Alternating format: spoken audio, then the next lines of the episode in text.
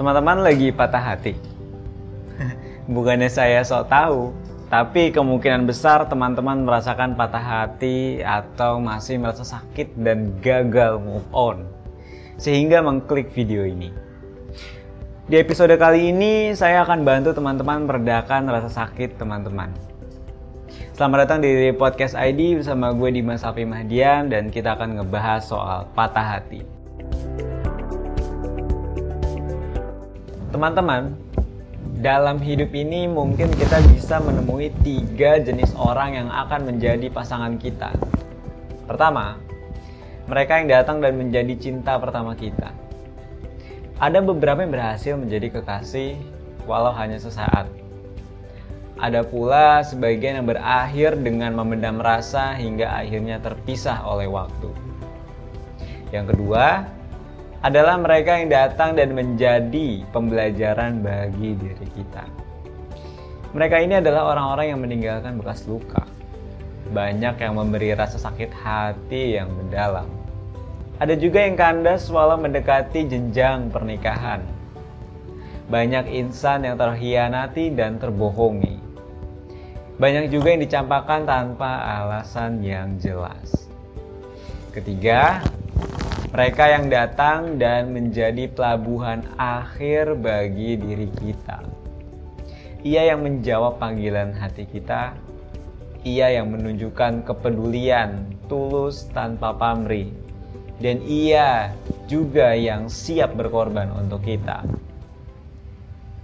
Jika teman-teman sakit hati karena ditolak oleh seseorang, maka teman-teman harus kembali berlayar dan mengarungi samudra kembali. Ingat, teman-teman sudah ditolak untuk berlabuh di sebuah pelabuhan hati. Jangan biarkan kapal teman-teman terlalu lama mengapung di atas air tanpa arah. Jika demikian, kapal teman-teman bisa terseret arus dan menghatam karang. Berlayarlah ke tengah laut. Hadapi ombak badai, dan kering panasnya lautan. Jangan berhenti dan terus carilah tempat untuk menyandarkan jangkar dan berlabuh. Kelak, ada seseorang di sana yang memang ditakdirkan untuk diri kita.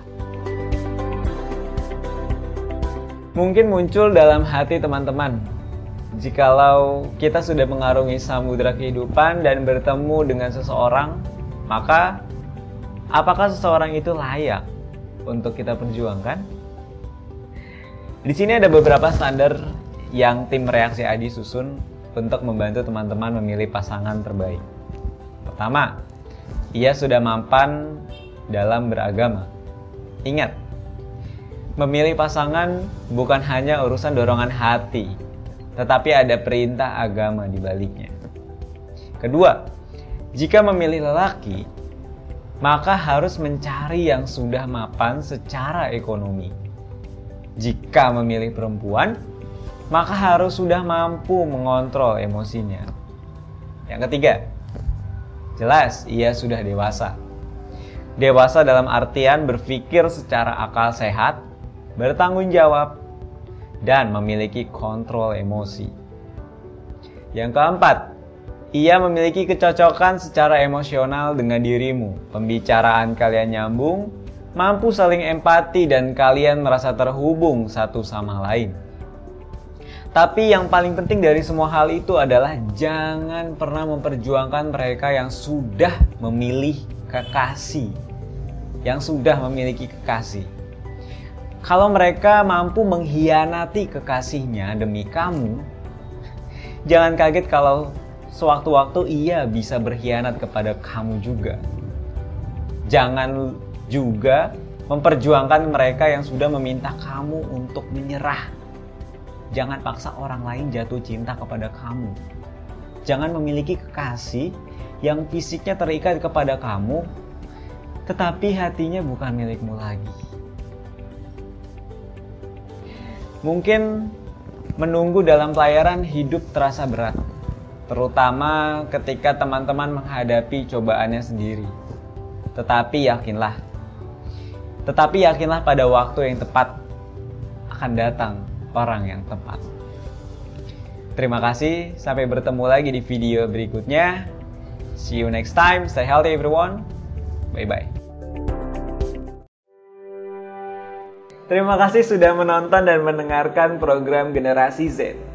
Bagi kalian yang suka dengan program Generasi Z, silakan like, komen, dan subscribe di channel YouTube Reaksi Indonesia. Serta juga kalian bisa menfollow Generasi Z di Spotify. Oke, okay, see you next time everyone. Stay healthy and bye-bye.